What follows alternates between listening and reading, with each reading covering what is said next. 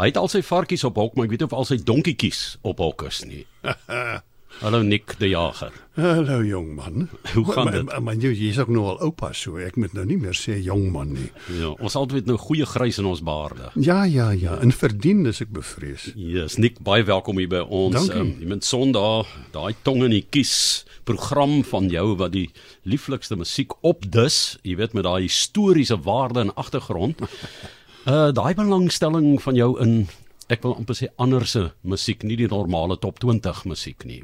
Waar waar kom dit vandaan? Jong, ek het maar my kyk my ma was 'n uh, was 'n goeie pianis gewees en my pa in die vroeë dae toe wa- hi-fi nog aan die begin was van sy ontwikkeling. Kyk van tevore het het het uh mense op ou grammofone gespeel met tuite en hier in die middel 50s het die hi-fi uh gedoente begin. En toe het my pa vir ons 'n hi-fi stelsel gekoop. Ons het een laat bou. En ons het plate bestel. So van standaard 8, 9 af het ons al plate gehad en dit is baie jare gelede. Dit is 1956. So ek het maar my liefde daarvan gekry en en uh soos ek sê my ma was baie musikaal. Dit was maar altyd 'n belangstelling. Ja, dit is so 20 jaar nadat radio begin het, né, met die B-diens in 1937. Nou die onthou ek nou nie want ek is so 3 jaar en 'n dag later gebore. Maar wat is jou eerste bewuswording van radio? My eerste bewuswording was die stem van ehm um, wat is die girl wat altyd so vir die forces gesing het? Jy weet een ding van ouer word is soms as jy die woord soek dan is dit weg. Gesing het vir die die Ja, Vera Lynn. ja, ja, ja, ja. Dit onthou ek. En uh dan We'll Meet Again. Ek dink dit is een van die hartseerste liedere wat daar is. You know, al al die al die jong manne wat gestuur is, baie van hulle het nooit teruggekom nie. En dan We'll Meet Again sometime, someplace. Dit is my verskriklik jammer. Vera Lynn. En dit was uh interessant hoe oorloë en vermaak saamgeloop het. Dit, dit duik nogal op van tyd tot tyd in jou Sondagprogram, né, liedjies wat in daardie eras geskep is waar daar eintlik verskrikking in die wêreld was. En ba- in baie gevalle was dit om die magte te ondersteun en hulle 'n bietjie moed te gee. En uh nou ja, dit is jy weet dit is deel van my grootword jare. Ek so ek was so toe ek klein was die die kinderprogramme was nog ek het dit nou al vanoggend ook nee ek het sekere van die goed al gesê en ek gaan dit weer sê Sondag. Maar ehm um, jy weet die kinderprogramme was vir Jannie en Sunny.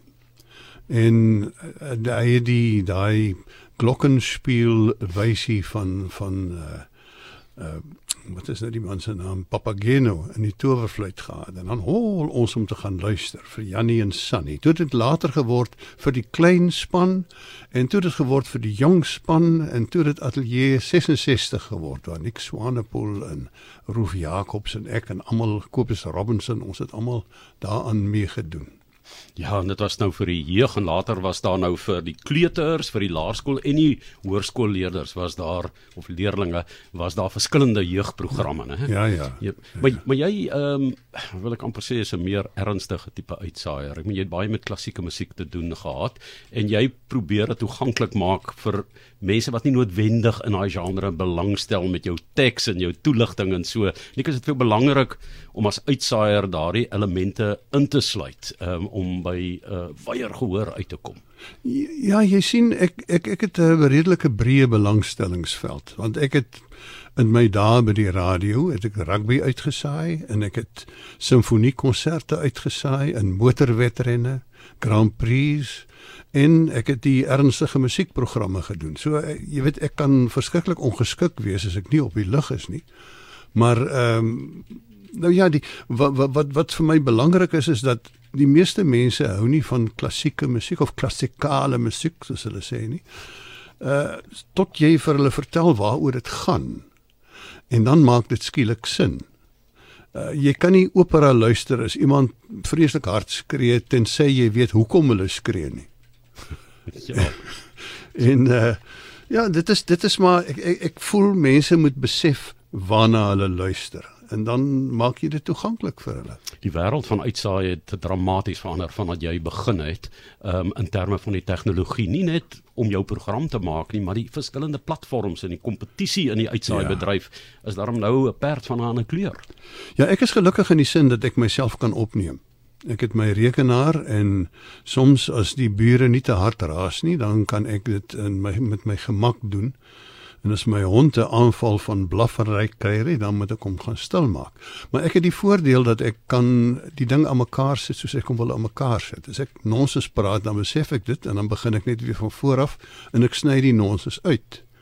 So wat jy daar hoor in die program is nie regtig soos ek dit opneem nie. Wel, dit is die derde of die vierde poging. En uh, en dit die die die uitsaai het verander. Jy weet in die ou dae was ons baie meer stentoor. Ons het nooit iemand jy of jou genoem nie. Jy het 'n vreeslike klap gekry as jy dit gedoen het. Jy het ook nie gepraat van 'n luisteraar nie. Iemand het hulle gevoel as jy praat van 'n luisteraar, dan maak skep jy 'n afstand tussen jou en die ou wat luister. Hy is hy sit in jou voorkamer, jy spreek hom aan as u en asof hy deel is van jou lewe. Maar natuurlik die wêreld het verander. Ek sê nie dis beter of swakker nie, maar dit was die styl van destyds. En ons het uh, ons is opgelei deur ou omroepers, jy weet, uh toe ek daar gekom het in 1966 was daar as ek nou dink so in die gang af van die was die tweede verdieping op ou uitsaahuis was uh, in die hoek was ehm um, Werner Vels dan uh Dan Retief en uh Gerard Verveer, Johan de Bruin, ehm um, jy weet seker Dani Erasmus, dit is almal mense Morkel van Tonner en Pieter de Bruin, hulle het ons geleer.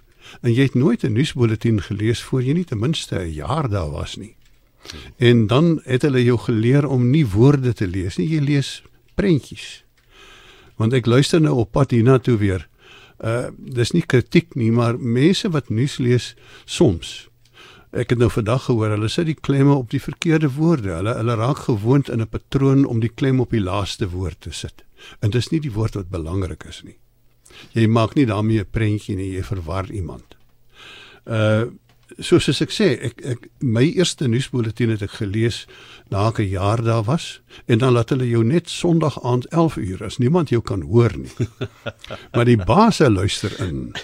En laat jy nou net iets verkeerd sê dan daar so 'n ou liggie wat so flits. Ek kan natuurlik nie 'n telefoon hê wat lui in die ateljee nie.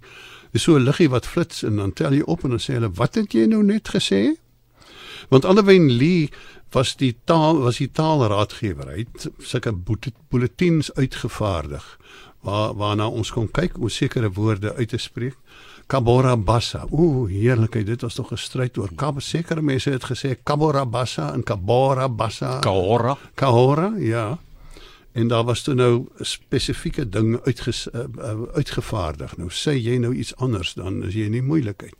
Maar met my eerste nuusbulletin soos ek gesê het 11 uur Sondag aand hier in 1966 toe uh, word die die die Franse toerspan aangekondig met al die name. En jy weet ek het maar net my neus toe gekruip en kom barabaro en kabarabaro en een van die snaakse goed Johan de Bruin Ek dink dis Johan de Bruin of Gerard. Het eendag uitgesaai 'n toets een van daai toetse. En jy weet dit gaan so vinnig aan einde en dan by kaparabarabarabaro net om die naam uit te die loskakel né Canberra Bureau. Ja. Ja. Nik ehm um, laaste woord van jou vir 85 jaar wat ons vier van Afrikaans op die lig? Man ja ek is dinge verander Maar uh, dinge is nie meer soos dit was nie, maar dit is nie noodwendig slegter of beter nie. Ek ek ek ek luister nog graag RSG en soms uh, wil ek uh, aan iemand 'n klap uitdeel en andersins 'n ro 'n ruiker. Maar dankie, dankie daarvoor. Maar jy weet, ek het niks meer te sê oor die hele ding nie. Uh met ander woorde, uh wat sal mense nou sê, jou tyd kom kom en jou tyd gaan. Jy het 'n wonderlike era ervaar in Ek het 'n wonderlike era ervaar en ek het die voordeel dat ek vandag nog kan ietsie sê wat mense daarom hopelik plesier gee. Ehm um, ek wil vir u bedank meneer De Jager oh. dat u by ons kom. Meer net terug na daai dae toe. Nik De Jager, dankie vir die inloer hierso en ehm um, sukses met jou program Sondag. Ehm um, is hierdie een al is al 'n verrassingkie of wat wat jy Nou hierdie een is al klaar en ek ek loop weer op dun ys want ek gebruik 'n woord wat uh heel moontlik die sinode in noodsitting sal laat ingaan. O, jene. ja. Is dit te vroeg in die dag om dit te deel? Ja. Faf het ook so 'n woord gebruik in sy boek, maar hy sê dit was nie ja. sy woord nie. Hulle het dit daar geskryf, maar dit was sy gevoel wat hy uitgedruk het. Ek dink so. mense is baie losser as wat hulle is wat hulle sou voorgee om te wees. Baie baie dankie Nik vir die kuier, so groot voorreg. Dankie, groot voorreg vir my, amper flaf ek daarop.